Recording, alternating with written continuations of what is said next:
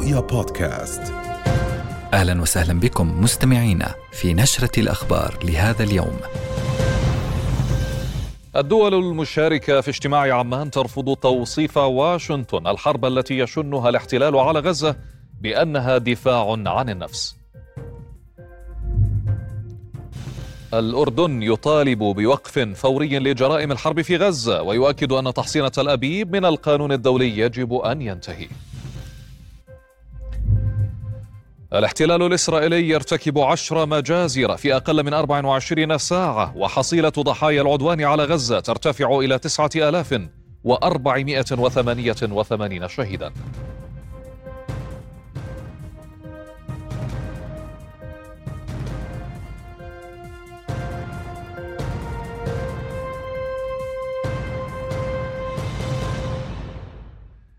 حياكم الله. في مؤتمر صحفي عقب اجتماع عمان الوزاري السباعي بشأن تطورات الحرب على غزة أكد وزير الخارجية ايمن الصفدي أن تحصين الاحتلال الإسرائيلي من القانون الدولي يجب أن ينتهي. وطالب الصفدي على لسان الدول العربية المشاركة بوقف فوري لإطلاق النار ورفض توصيف واشنطن الحرب أو حرب الاحتلال على غزة بأنها دفاع عن النفس. ولفت الصفدي إلى أن النقاش أو نقاش الاجتماع كان شاملا وشفافا وعكس مواقف متباينة لكنه أكد الحرص على وقف الحرب في قطاع غزة. كما أعلن الصفدي أن المشاركين أكدوا على ضرورة إيصال مساعدات فورية وكافية إلى قطاع غزة ووقف تهجير الفلسطينيين. من جانبه طالب وزير الخارجية المصري بالعمل على إعادة إحياء عملية السلام في أسرع وقت ممكن كما أكد ضرورة التوافق على وقف فوري وشامل لإطلاق النار في غزة ومن دون شروط. نطالب بوقف فوري لإطلاق النار وإنهاء هذه الحرب وما تنتجه من قتل الأبرياء وما تسببه من دمار ونرفض توصيفها دفاعا عن النفس. هي حرب مستعرة تقتل المدنيين تدمر بيوتهم مستشفياتهم مدارسهم مساجدهم كنائسهم ولا يمكن تبريرها ولن تجلب لإسرائيل امنا ولن تحقق في المنطقة سلاما. آه القتل يجب أن يتوقف آه جرائم الحرب يجب أن تتوقف تحصين إسرائيل من القانون الدولي أيضا يجب أن ينتهي. من جهته أكد وزير الخارجية الأمريكي أنتوني بلينكين أن على تل أبيب اتخاذ الإجراءات الممكنة لتقليل الخسائر في صفوف المدنيين لكنه جدد دعمه لحق الاحتلال في الدفاع عن نفسه على حد تعبيره كما أعلن التزام بلاده باستخدام نفوذها لمنع أي جهة أو طرف من توسيع دائرة الحرب. كما أعلن بلينكين الاتفاق على إنشاء قنوات لإيصال المساعدات إلى قطاع غزة. خلال لقائه وزراء الخارجية المشاركين في اجتماع عمان أكد جلالة الملك عبد الله الثاني ضرورة مواصلة التنسيق العربي للحديث بصوت واحد مع المجتمع الدولي حول التطورات الخطيرة في قطاع غزة. وشدد جلالته على واجب الدول العربية في الضغط على المجتمع الدولي والقوى الدولية الفاعلة لوقف الحرب على غزة وإدخال المساعدات إلى القطاع بشكل مستمر وعلى حماية المدنيين. وأعرب الملك عن رفض الأردن التام لأي محاولة للفصل بين الضفة الغربية وقطاع غزة فهما امتداد للدولة الفلسطينية الواحدة. كما جدد الملك إدانة الأردن للمجازر التي ترتكب بحق المدنيين الأبرياء في القطاع وحذر من أن استمرار الحرب سيؤدي إلى انفجار الأوضاع في المنطقة. ودعا الملك إلى مواصلة دعم المنظمات الدولية العاملة في القطاع وخاصة وكالة إغاثة وتشغيل اللاجئين الفلسطينيين الأونروا. وضم اللقاء الذي حضره الأمير الحسين بن عبد الله الثاني ولي العهد وزراء خارجية الإمارات والسعودية وقطر ومصر وأمين سر اللجنة التنفيذية لمنظمة التحرير الفلسطينية. وقبيل اجتماع عمان الوزاري أجرى الصفدي مع نظيره الكرواتي والياباني في لقاءين منفصلين مباحثات موسعة تناولت التطورات الخطيرة في قطاع غزة. الصفدي ووزير الخارجية الكرواتي جوردان رادمان أكدا على ضرورة تكثيف الجهود لإطلاق تحرك دولي فاعل لوقف الحرب على غزة وإيصال المساعدات الإنسانية العاجلة إلى القطاع. كما بحث الصفدي ووزيرة الخارجية اليابانية يوكو كاميكاوا الجهود المبذولة لضمان حماية المدنيين والبناء على مخرجات قرار الجمعية العامة للأمم المتحدة حول وقف الحرب والتمسك بالالتزامات القانونية والإنسانية. في اليوم التاسع والعشرين من العدوان على غزة واصلت طائرات الاحتلال غاراتها المكثفة على مناطق عدة في القطاع وطال القصف مستشفيات ومساجد ومدارس تؤوي نازحين. وشن الاحتلال غارة على مدخل مستشفى النصر للأطفال غرب غزة مما أدى إلى سقوط عدد من الشهداء والجرحى. كما قصف مدرسة الفاخورة التي تؤوي آلاف النازحين في مخيم جباليا ليسفر عن 12 شهيدا وأزيد من 50 جريحا. ولاحقا أوقع الاحتلال سبعة شهداء في غارات على منازل في مخيم أنصرات ورفح وخان يونس. ومنذ ساعات الصباح الأولى دمر الاحتلال ثلاثة مساجد في مدينة غزة كما استهدف مولد الكهرباء الرئيس في مستشفى الوفاء. وألواح الطاقة الشمسية بمدينة غزة وهي مصدر الكهرباء الوحيد لمن بقي من السكان. إذا عشر مجازر كبرى ارتكبها الاحتلال الإسرائيلي خلال الساعات الماضية. راح ضحيتها 231 شهيدا لترتفع حصيلة الشهداء في القطاع منذ بدء العدوان إلى 9488 شهيدا. ثلثيهم من الأطفال والنساء. إضافة إلى أزيد من 24 ألف إصابة وفق وزارة الصحة. كما أعلنت الصحة تلقيها 2200 بلاغ عن مفقودين تحت الأنقاض أزيد من نصفهم أطفال. وأكدت الصحة أن الاحتلال يتعمد منع خروج الجرحى من شمال قطاع غزة إلى جنوبه. ومنه إلى معبر رفح البري مشيرا إلى أن مستشفيات القطاع متكدسة بالجرحى من الحالات الحرجة والخطرة وفقدان حياة العديد منهم يوميا. وأعلنت الصحة أن الاحتلال تعمد استهداف 105 من المؤسسات الصحية وإخراج 16 مستشفى عن الخدمة. ومع ارتفاع حدة الغارات الجوية أعلنت كتائب القسام مقتل خمسة جنود من قوات الاحتلال في اشتباكات شمال غربي مدينة غزة. وذكرت المقاومة أن عناصرها أجهزوا على الجنود الخمسة بالأسلحة الرشاشة والقنابل بعد تحصنهم في مبنى شمال غرب المدينة. وأكدت الكتائب قصف حشود لقوات الاحتلال شمال غرب غزة بعدد من قذائف الهاون. كما أعلنت قبلها قصف تجمع لآليات الاحتلال المتوغلة شمال غرب بيت لاهيا بقذائف هاون. ولاحقا قصفت المقاومة إيلات بصاروخ عياش 250 كما دمرت دبابة توغلت في منطقة السلاطين. وفي غمرة تلك المواجهات أعلن الناطق باسم جيش الاحتلال دانيال هاجاري أنهم أبلغوا عائلات 341 جنديا عن مقتلهم منذ بدء عملية طوفان الأقصى. كما أعلن هاجاري عن إبلاغ 242 عائلة أن ذويهم أسرى لدى حماس مضيفا أنهم سيواصلون الجهود لإعادتهم على حد تعبيره. وفي الضفة الغربية واصلت قوات الاحتلال الإسرائيلي حملات الدهم والاعتقال في مدن عدة في مسعى لقمع الحراك الرافض للعدوان على قطاع غزة. وبعد اعتداءات دامية أدت لاستشهاد 12 فلسطينيا في الليلة الماضية طالت اقتحامات اليوم بلدات وقرى في نابلس والخليل وفي مخيم شعفاط وجنين. تخللها إطلاق رصاص حي وقنابل غاز صوب المحتجين. ولاحقا أعلنت وزارة الصحة الفلسطينية استشهاد الشاب محمد الجعبري متأثرا بجراح حرجة أصيب بها ظهر أمس بمدينة الخليل ما يرفع حصيلة الشهداء في عموم الضفة الغربية إلى 145 شهيدا منذ السابع من تشرين الأول. ومن جهته أعلن نادي الأسير الفلسطيني أن قوات الاحتلال الإسرائيلي اعتقلت فجر اليوم 55 فلسطينيا من مدن وبلدات في الضفة الغربية ليرتفع إجمالي المعتقلين إلى 2040 منذ السابع من تشرين الأول. واثقون من إلحاق الهزيمة بالاحتلال هذا ما أعلنه القيادي في حركة حماس أسامة حمدان خلال مؤتمر صحفي في بيروت مؤكدا أن تل أبيب لم تحقق أي مكسب عسكري في غزة حتى الآن.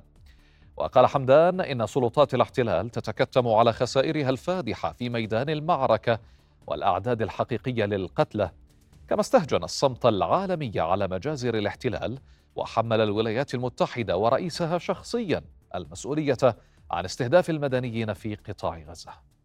يستمر صمود شعبنا في وجه العدوان وفي ظل حرب الإبادة التي يشنها عليه الكيان الصهيوني. وتبلي كتائب القسام وقوى المقاومة الفلسطينية في المعركة خير بلاء. وتدير معركتها بكل قوة واقتدار وسيطرة وتحكم. وتحسن الأداء في خططها وفي مواجهة عدوها هذه الخطط التي تسير حتى الآن كما هو مقرر لها ونحن واثقون بإذن الله سبحانه وتعالى من هزيمة الاحتلال في هذه المواجهة.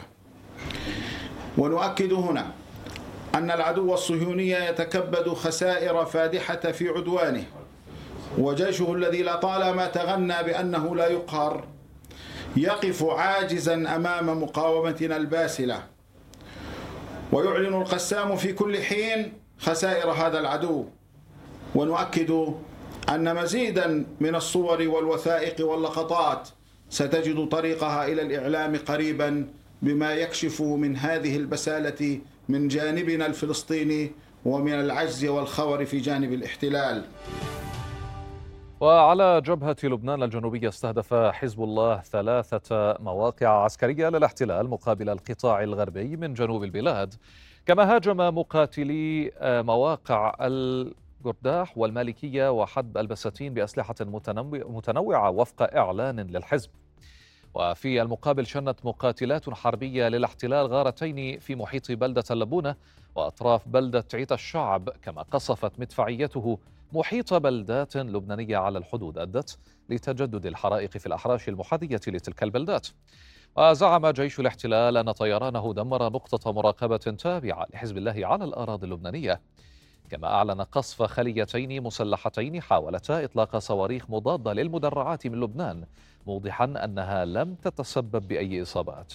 ولاحقا أعلن حزب الله استشهاد أحد عناصره في المواجهات لترتفع حصيلة شهدائه إلى 58 منذ الثامن من تشرين الأول الماضي. ننتقل مباشرة إلى مراسلنا في غزة غازي العلول. أهلا بك غازي يعني آه، تتصاعد كما تعلم وتيرة القصف في مختلف المناطق. ضعنا بآخر آه، التبعات الصحية المتفاقمة وعن آه، أوضاع وواقع الواقع الصحي والمستشفيات في القطاع. نعم هو واقع مأساوي للغاية بالنظر إلى أن المستلزمات الطبية التي تدخل إلى قطاع غزة آه، لا تلبي حاجة المستشفيات الحقيقية. اليوم لم يخرج أي من المصابين إلى مصر لتلقي العلاج على آه، غرار ما حدث في الأيام الماضية. وهذا ما يضع آه، استفهاما حول ما السبب في ذلك. في وسط المطالبات المتزايدة والأصوات المتعالية من قبل وزاره الصحه الفلسطينية بضرورة إخراج قوافل المصابين لتلقي العلاج في الخارج وأيضا للتخفيف عن كاهل المنظومة الصحية التي بالفعل بدأت تنهار بالنظر إلى التهديدات المستمرة التي تتلقاها المستشفيات وخروج أكثر من 16 مستشفى عن العمل آه، نتيجة استمرار هذه الحرب نعم. أيضا آه، آه، بالإضافة إلى الوضع الإنساني الكارثي الذي بات يعيشه الغزيون هنا نتحدث عن 30 شاحنة اليوم دخلت إلى قطاع غزة ولكن كل هذه الشاحنات التي دخلت وهي قرابة 300 شاحنة ابدا آه، آه، لا تسعف الحالة الإنسانية الصعبة التي يعيشها الفلسطينيون آه، في قطاع غزة بالنظر إلى استمرار حالة الاستهداف وقصف المدنيين وحالة التهجير. اليوم كان الاحتلال قد أعلن عن ممر آمن في ودعا فيه المواطنون الفلسطينيون في غزة وشمال القطاع بضرورة الخروج والنزوح إلى المناطق الجنوبية وفي وهو ما يزيد من اعداد طبعا المواطنين الذين هجروا منذ بداية هذه الحرب. آخر إحصائيات الونور تقول إن مليون و400 ألف خرجوا من منازلهم وتوزعوا ما بين مدارس ومراكز الإيواء والمستشفيات وآخرين عند أقاربهم. في المناطق الجنوبية. كل هذا يثقل بالفعل الحالة الإنسانية الصعبة والمعيشية والتي لا تتوفر فيها سبل الحياة الكريمة للفلسطيني. وهو أيضا ما يثقل العائلات الفلسطينية التي بالفعل تركت منازلها وخرجت دون أن تحمل معها أي مقتنيات أو أي أمتعة. هم فقط خرجوا بملابسهم وحتى دون أوراقهم الثبوتية وأملاكهم هذا أيضا لا يسعف حالة الحالة الإنسانية الكارثية في بعد 30 يوما من هذه الحرب. طيب غازي اليوم يعني بلينكن كان في عمان وتابعت الخطاب الخاص به فيما يتعلق بالقضية وإيقاف القتال. ولكن كان هناك شيء لافت في خطابه وكأنه يتحدث طبعا باسم جيش الاحتلال وقال بأن حماس تختبئ بين المساجد والمستشفيات والمدارس وكأنه يعطي إشارة مباشرة إلى يعني الاحتلال الإسرائيلي لقصف هذه المستشفيات أو هذه المدارس. هل هناك يعني بعد هذه التصريحات تحديدا هل هناك توقعات في الداخل داخل غزة أن يتم استهداف المستشفيات تحديدا بطريقة أكبر بعد هذه التصريحات. بالفعل التخوف قائم منذ اللحظة الأولى مع بداية إعلان الأحتلال الإسرائيلي أن حماس تتخذ من المستشفيات مخابئ وتتخذ من الفلسطينيين دروعا بشرية. لكن السؤال يعني آه، هم فلسطينيون؟ أين يمكن أن يذهبوا؟ أو أين يمكن آه، دعيني دعني أقول آه، يختبئوا؟ هي أرضهم وفي نهاية الأمر قطاع غزة جزء من الأراضي الفلسطينية التي هم يدافعون عنها.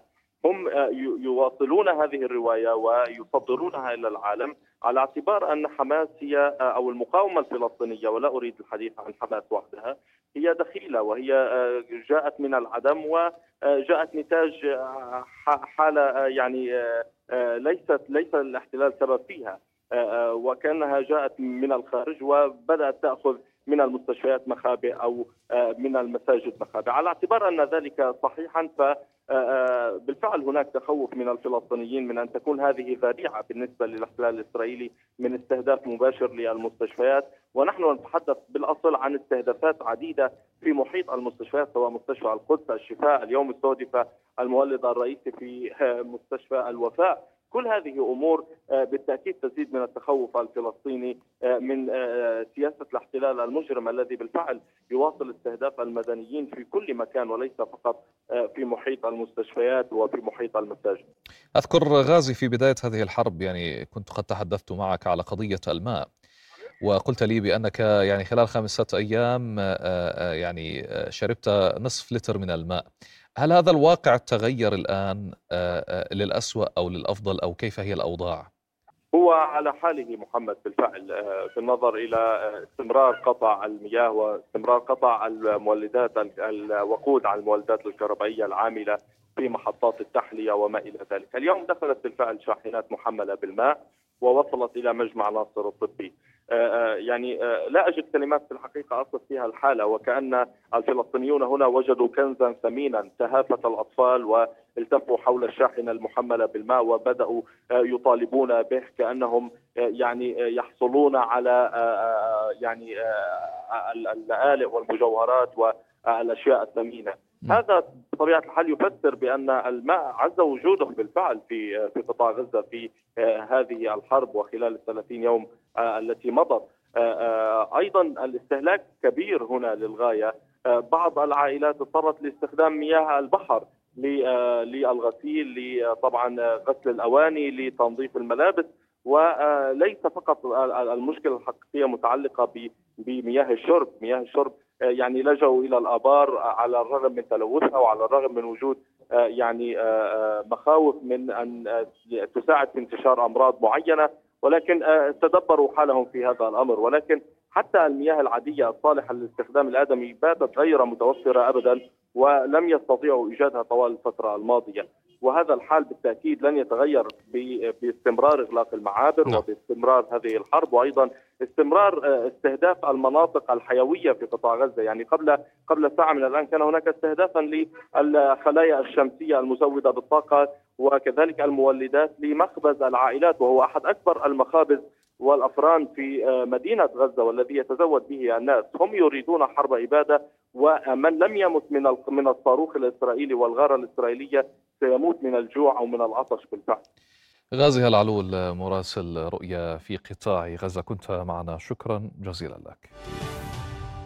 ننتقل مباشرة إلى نابلس حيث يتواجد مراسلنا حافظ أبو صبر. أهلا بك. حافظ يعني إحدى القضايا التي أشار إليها وزير آه، الخارجية الأردني أيمن الصفدي خلال حديثه بهذا آه، المؤتمر. هي هجمات المستوطنين المتزايدة على الفلسطينيين في الضفة الغربية.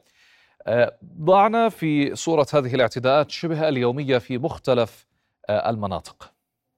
نعم محمد وفي هذا السياق أنا أتواجد عند حاجز صرة هذا المدخل الذي يقع إلى الجنوب الغربي من مدينة نابلس المحتلة وشهد على مدار أيام ثلاثة مضت اعتداءات للمستوطنين على المركبات الفلسطينية. الحاجز مغلق بشكل كامل منذ السابع من أكتوبر لكن بعد الحاجز هناك طريق تفصل بين مدن قلقيلية طول كرم جنين ونابلس.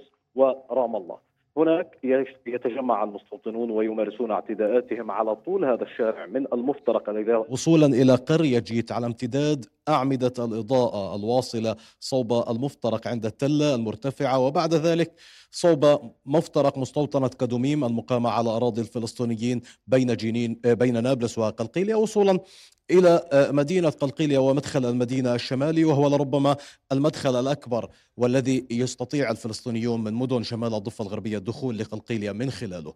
اليوم في هذا السياق في في في منطقة قريبة من آه، ذاك المدخل سلمت قوات الاحتلال الارتباط الفلسطيني جثمان شهيد من ذوي الإعاقة شاب في الثلاثينيات من عمره مفقود منذ يومين. سلم للارتباط الفلسطيني الذي نقله لمستشفى درويش نزال في مدينة قلقيلية وتظهر عليه أع... يعني أعراض ضرب مبرح واعتداء وتنكيل شديدين نعم. ال... ال... اليوم الفلسطينيون ما بين السببين لاستشهاده إما أنه اعتقل قبل يومين من قبل قوات الاحتلال وتعرض لتحقيق شديد واعتداء كبير من قبل جنود الاحتلال خلال هذا التحقيق ما أدى لاستشهاده أو إما أنه كان مختطف من قبل مستوطنين في محيط قرية رافات القريبة من محافظة سلفيت واعتدي عليه بعد اختطافه وتعرض لضرب شديد أدى إلى استشهاده نعم. هذا ضحية جديدة لإرهاب المستوطنين الإسرائيليين الذي يسيطر اليوم على مناطق الضفة الغربية بكل الأحوال هذا الحاجز مغلق وكل الطريق المؤدية إلى قلقيلية مغلقة بعدد من الحواجز. هذا يعني آه، تنكيل جديد بالمواطنين الفلسطينيين إضافة لكل ما يعانيه الفلسطينيون في هذه المناطق في شمال الضفة الغربية جراء إغلاقات الاحتلال. فيما يتعلق بالأوضاع الميدانية محمد مستجدات آه، آه، اقتحام قوات الاحتلال لبلدة زواتا غرب نابلس المحتلة القريبة من هنا حقيقة وهذه المنطقة شهدت اقتحامات متوالية خلال أسبوع من الزمن ارتقى خلالها ثلاثة شهداء وكان هناك مواجهات كبيرة كبيرة مع المواطنين الفلسطينيين واشتباكات مسلحة أيضا.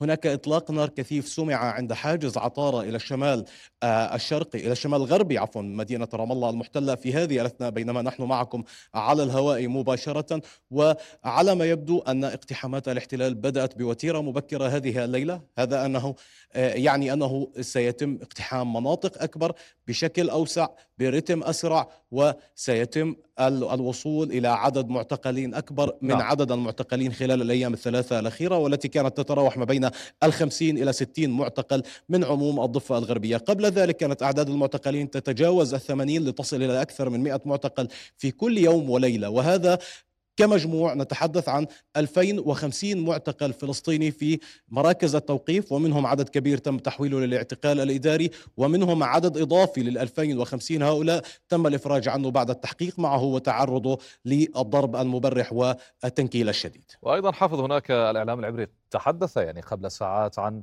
إصابة أحد جنود الاحتلال الإسرائيلي آه، في بلدة عزون شرق قلقيلية خلال آه، آه، عملية إطلاق النار. ما المتوفر لديك حول هذا الموضوع؟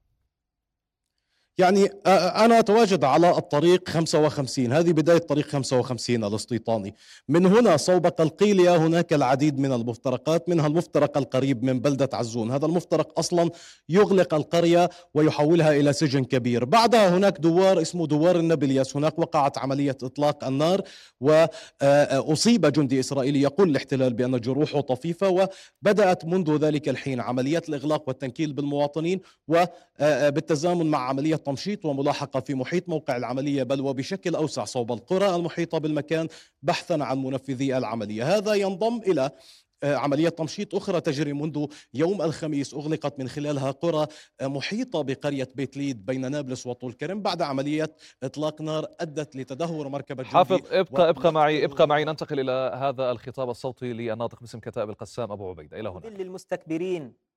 والصلاة والسلام على نبينا المجاهد الشهيد. وعلى آله وصحبه ومن جاهد جهاده وبعد.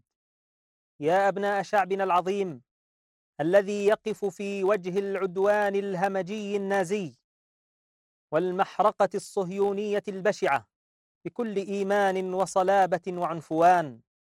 يا أمتنا الإسلامية والعربية السلام عليكم ورحمة الله وبركاته. نخاطبكم اليوم من جديد من قلب معركة طوفان الأقصى في يومها التاسع والعشرين. لنوجه التحية لشعبنا الذي يتعرض لإبادة ممنهجة. من قبل عدو احترف قتل الأبرياء متأسيا بسلفه من قتلة الأنبياء. عدو أمن العقوبة من عالم تحكمه شريعة الغاب. فتمادى في تحدي كل أعراف البشر. وقوانين العالم. وما عقابه الجماعي لشعبنا إلا لصدمة وألم ودموع ودماء يتجرعها كل ساعة في مواجهة مجاهدين في الميدان منذ السابع من أكتوبر. ولا تهنوا ولا تحزنوا وأنتم الأعلون إن كنتم مؤمنين. إن يمسسكم قرح فقد مس القوم قرح مثله. وتلك الأيام نداولها بين الناس. وليعلم الله الذين آمنوا ويتخذ منكم شهداء والله لا يحب الظالمين. لا يزال مجاهدون بفضل الله ومعيته يقاتلون في محاور تقدم العدو في شمال غرب مدينة غزة وجنوب مدينة غزة وفي بيت حانون شمال شرق القطاع يقاتلون بكل بسالة وإقدام. ويواصلون التصدي لآليات العدو وتدميرها حيث وثقنا آخر 48 ساعة تدمير مجاهدين كليا أو جزئيا 24 آلية عسكرية بين دبابة وناقلة جند وجرافة بمضادات الدروع وخاصة قذائف الياسين 105 وعبوات العمل الفدائي. من خلال تقرب مجاهدينا من مقتربات خاصة من فوق الأرض وتحتها للقوات الصهيونية المتوغلة أو المتمركزة ومباغتتها واستهدافها عن قرب كما وجهنا ضربات بصواريخ موجهة مضادة للدروع في المحور الجنوبي لمدينة غزة مساء اليوم. وأدخلنا خلال اليومين الماضيين إلى المواجهة قذائف الياسين المضادة للتحصينات. TBG محلية الصنع والتي استهدفت الإجهاز على القوات الصهيونية المتحصنة في البنايات والشقق. وأوقعنا إصابات محققة في هذه القوات بعون الله. ولا زال مجاهدون وبغض النظر عن حجم مناورة قوات العدو على الأرض وتقدمها أو تراجعها في المحاور يواصلون الالتفاف خلف القوات الغازية والالتحام من نقطة صفر مع تجمعات الجنود أو الأرتال المدرعة للعدو. كما ينفذ سلاح القنص عمليات دقيقة ضد جنود العدو المتحصنين في المباني أو أولئك الذين يجرؤون على إخراج رؤوسهم من الدبابات. كما يواصل سلاح المدفعية دك التحشدات العسكرية للجنود والآليات بقذائف الهاون على مدار الساعة. خلال اليومين الماضيين إلى المواجهة قذائف الياسين المضادة للتحصينات TBG محلية الصنع والتي استهدفت الإجهاز على القوات الصهيونية المتحصنة في البنايات والشقق. وأوقعنا إصابات محققة في هذه القوات بعون الله. ولا زال مجاهدون. وبغض النظر عن حجم مناورة قوات العدو على الأرض وتقدمها أو تراجعها في المحاور يواصلون الالتفاف خلف القوات الغازية. والالتحام من نقطة صفر مع تجمعات الجنود أو الأرتال المدرعة للعدو. كما ينفذ سلاح القنص عمليات دقيقة ضد جنود العدو المتحصنين في المباني. أو أولئك الذين يجرؤون على إخراج رؤوسهم من الدبابات. كما يواصل سلاح المدفعية. دك التحشدات العسكرية للجنود والآليات بقذائف الهاون على مدار الساعة. يا ابناء شعبنا وأمتنا ويا كل أحرار العالم. إن مما هو معلوم أننا نخوض حربا غير متكافئة لكنها ستدرس في العالم وسيخلدها التاريخ كما خلد مقارعة داود لجالوت. وانتصار الحق المبين على الباطل المتغطرس. إنما نشرناه وما سننشره في الدقائق والساعات القادمة. من مواد توثق تدمير ومباغتة قوات العدو وحتى الالتحام مع آلياته واعتلائها. لهو جزء يسير من بأس مجاهدينا. وتصديهم البطولي وعملياتهم المباركة في الميدان بفضل الله تعالى. وختاما نقول إن ظن العدو أنه بعقابه لشعبنا وارتكابه المجازر المروعة واستخدامه الأساليب القذرة ضد شعبنا سيفت في عضدنا فهو واهم وغبي. فليراجع ماضينا وحاضرنا ليعلم أن ألمنا سينفجر غضبا ونارا في وجهه وبأن الخراب الذي يزرعه لن يحصد منه سوى الهزيمة والخيبة والعار. المجد لشهداء شعبنا الأبرار والشفاء لجرحاه الميامين والحرية لأسران الأبطال والتحية لشعبنا الأبي المعطاء في كل مكان. والله غالب على أمره ولكن أكثر الناس لا يعلمون وإنه لجهاد نصر أو استشهاد والسلام عليكم. إذا كنا مع هذا التسجيل الصوتي للناطق باسم كتائب عز الدين القسام أبو عبيدة والذي قال بأن القتال ما زال جاريا في شمال غرب وجنوب غزة وفي بيت حنون أيضا وتكلم عن تدمير 24 آلية عسكرية بمضادات للدروع وأيضا أعلن عن إدخال قذائف الياسين المضادة للتحصينات للمباني والشقق. التي يتحصن بها جيش الاحتلال الإسرائيلي.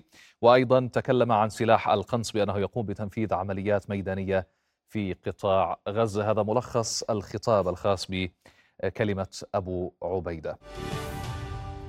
أهلا بكم في النشرة الاقتصادية. عبرت خمسون شاحنة محملة بالمساعدات الإنسانية من معبر رفح المصري باتجاه معبر العوجة للاحتلال الإسرائيلي تمهيدا لدخولها إلى قطاع غزة بحسب مصادر رسمية مصرية. وتمثل هذه الدفعة رقم 13 من المساعدات الإنسانية ليبلغ إجمالي الشاحنات التي تسلمها الهلال الأحمر الفلسطيني 421 شاحنة لم تشمل الوقود فيما يواصل مطار العريش استقبال المساعدات الإغاثية واستقبل منذ الثاني عشر من تشرين الأول الماضي 74 طائرة محملة بأزيد من 1650 طنا من مستلزمات غذائية ودوائية.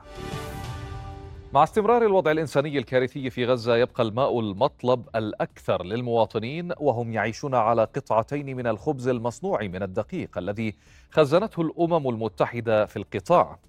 هذا آه، ما أبلغه مدير, مدير عفوا شؤون وكالة غوث وتشغيل اللاجئين الفلسطينيين أونروا في غزة توماس وايت لدبلوماسيي 193 دولة عضوا بالأمم المتحدة في بيان عبر تقنية الفيديو من غزة. ووصف الوضع في غزة بالكارثي قائلا إنه لا يوجد مكان آمن والناس يخشون على حياتهم ومستقبلهم وقدرتهم على إطعام أسرهم. فيما يعتمد الكثيرون على المياه الجوفية قليلة الملوحة أو المالحة مع وجود خطأ واحد فقط من خط أو خط واحد فقط عفوا من خطوط إمدادات المياه الثلاثة القادمة من إسرائيل. وجدد التأكيد على ضرورة السماح بدخول الوقود إلى غزة لاستمرارية عمل المؤسسات والمستشفيات وتوزيع المياه والكهرباء لافتا إلى أن المولدات الاحتياطية تتوقف الواحدة تلو الأخرى مع نفاذ إمدادات الوقود. في ظل عجز العالم وقف عدوان الاحتلال على قطاع غزة وجه المكتب الإعلامي الحكومي في القطاع باسم الشعب الفلسطيني دعوة للشعوب العالم ممثلة بالاتحادات الأهلية والنقابات العمالية بالإضراب العام تحت شعار لا نفط ولا وقود للقتلى وأعوانهم حتى وقف الإرهاب الصهيوني وحرب الإبادة الجماعية على غزة. أمام هذه المواقف الدولية المخزية التي رأى فيها المحتل ضوءا أخضرا ليواصل مذابحه ويزيد من فظاعتها وإجرامها فإننا نخاطب اليوم وباسم شعبنا الفلسطيني بكل مكوناته وشرائحه وألوانه وأطيافه السياسية والمجتمعية. نخاطب اليوم نبض شعوب أمتنا العربية والإسلامية والأحرار في هذا العالم ممثلا في النقابات المهنية والاتحادات العمالية والقطاعات الشعبية. التي ندعوها بل ونطالبها جميعا وخاصة قطاع نقل الوقود والنفط البري والبحري والجوي للإعلان عن الإضراب الشامل ووقف وقطع إمدادات النفط والوقود وغيرها عن هذا الكيان المجرم وشريكته الولايات المتحدة الأمريكية. مشاهد الدمار وتزايد أعداد المجازر والشهداء في قطاع غزة ألقت بظلالها على الحالة النفسية للشارع الأردني وباتت الأسواق شبه خالية من مرتديها وسط ضعف الإقبال وتراجع شهية المواطنين على التسوق. في إحباط عام، في يأس، في آه، خمول حتى في الحركة التجارية وربما في ناس يعني يقتطع جزء من دخله ليبحث عن آه، وسيلة للدعم هي من قبل الحرب كانت مش مش مش جيدة. ومع الحرب سبحان الله نفسية الناس تأثرت وحتى القدرة الشرائية مع الناس ضعيفة جدا. عن الحاله الاقتصادية من فترة ويعني ليست قصيرة في تراجع وضعف الحركة الشرائية. وخاصة بعد الأحداث اللي صارت في غزة صار في ضعف اللي هي تأثر الناس من بصير قتل الأطفال والنساء بدون ذنب. الشغل خفيف. لأنه يعني الناس عم بتشوف يعني مناظر وأطفال عم بتموت وهيك ففيش حدا له نفسه والله يطلع من البيت ويترك الأخبار. فهذا هو فانعكس علينا وعلى على القوة الشرائية للزباين. صارت نفسية الشعب إنه نفسيته صارت ضعيفة جدا غير متقبلة لأي اقتصاد راح يشتريه أو يطلع يرفه عن نفسه فأكيد الحركة هسه راح تكون كثير ضعيفة جدا جدا. فترة الحرب هي زادت السوق الأوضاع سوء. فالناس عندها تخوف من الأوضاع وبرضه برضه النفسية بتلعب دور كبير. العدوان الأخير اللي شنته آه، العدو الصهيوني على على شعبنا في غزة كان له انعكاسات على آه، اندفاع الناس وعلى آه، نفسية الناس التجارية وبالتالي حقيقة السوق متأثر بشكل كبير جدا بما يجري في قطاع غزة. دعا مجلس إدارة غرفة تجارة الأردن القطاع التجاري والخدمي للتوقف عن العمل من الساعة الثانية عشرة ظهرا وحتى الثانية من يوم الثلاثاء المقبل بعموم المملكة وتخصيص جزء من مبيعات باقي اليوم دعما لصمود أهالي قطاع غزة. الغرفة في بيانها دعت إلى رفع العلمين الأردني والفلسطيني على المحل التجارية خلال فترة التوقف عن العمل. وحملت الغرفة لرسالتها التضامنية عنوان أوقفوا العدوان معبرة عن إدانتها الشديدة للإجرام الذي يمارسه الاحتلال الصهيوني بحق المدنيين في قطاع غزة ولاستهدافهم بمجازر غير مسبوقة بالتاريخ. أعلنت اليابان تقديم مساعدات إضافية بقيمة 65 مليون دولار للفلسطينيين. وزيرة الخارجية اليابانية يوكو كاميكاوا قالت إن تقديم المساعدات جاء انطلاقا من القلق بشأن الحرب على غزة. وأضافت أن اليابان تخطط أيضا لتقديم مساعدات مادية لغزة التي مزقتها الحرب. مع دخول عدوان الاحتلال على قطاع غزة يومه التاسع والعشرين أعلنت وزارة مالية الاحتلال أن حجم الخسائر الأسبوعية تقدر بمليارين وخمسمائة وتسعة ملايين دولار وهوى مؤشر بورصة تل أبيب 11% خلال تشرين الأول أكتوبر الماضي وهي أكبر خسارة شهرية منذ كورونا. فيما أعلنت وزارة العمل لكيان الاحتلال تعطيل 18% من القوة العاملة مع تحويل قرابة 350 ألف موظف لدى الجيش كجنود احتياط بينما يواجه اقتصاد الاحتلال شبح الدخول في ركود. يخشى اللبنانيون من عدم قدرة الدولة على مواجهة أعباء توسع الحرب وسط أزمات متتالية سياسية واقتصادية منذ عام 2019 ويلجأ اللبنانيون خاصة النازحين إلى التمون بمواد غذائية وأدوية ومحروقات أو البحث عن منازل للإيجار بعيدا عن مناطق قد تتحول لاحقا إلى ساحة حرب كما حصل في حروب سابقة. المنظمة الدولية للهجرة التابعة للأمم المتحدة أفادت بنزوح 29 ألف شخص من جنوب لبنان أو من بيروت وضواحيها خشية توسع الحرب في تلك المناطق. مواطنون قالوا إن الإمكانيات المتواضعة اليوم في حال تطورت الأوضاع أكثر ستصبح أضعف بكثير.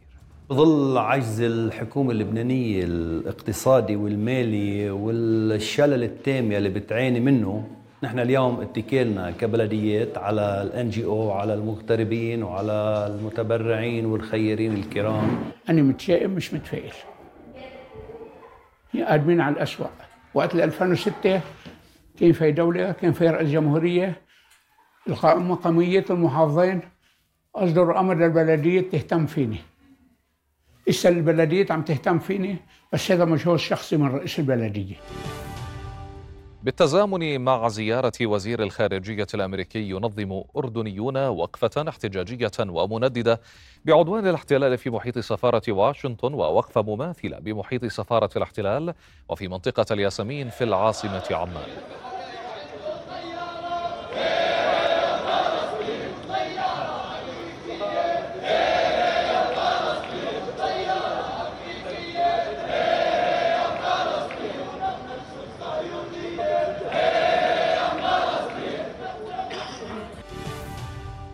طالبت سلطنة عمان اليوم بتشكيل محكمة دولية لجرائم الحرب المرتكبة بحق الشعب الفلسطيني في قطاع غزة وملاحقة مجرمي الحرب في جميع المجازر التي ارتكبت. فيما أعربت الخارجية العمانية في بيانها عن بالغ استنكار السلطة السلطنة عفوا وإدانتها الشديدة لاستمرار المجازر وجرائم الحرب التي ترتكبها قوات الاحتلال الإسرائيلي بحق الشعب الفلسطيني. وأكدت الخارجية على الحاجة إلى صحوة حقيقية للمجتمع الدولي انطلاقا من مسؤولياته الأخلاقية والقانونية والإنسانية لوضع حد لهذا الاستهتار والتعسف الواضح للاحتلال وخرقه للشرائع والقوانين والمواثيق الدولية. شهدت الأيام الأخيرة تحركات دبلوماسية بين عدد من الدول والاحتلال في ظل الحرب الدائرة في قطاع غزة.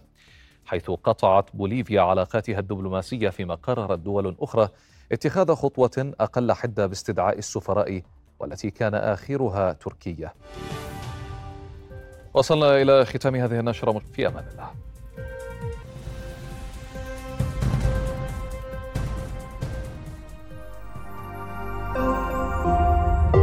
رؤيا بودكاست.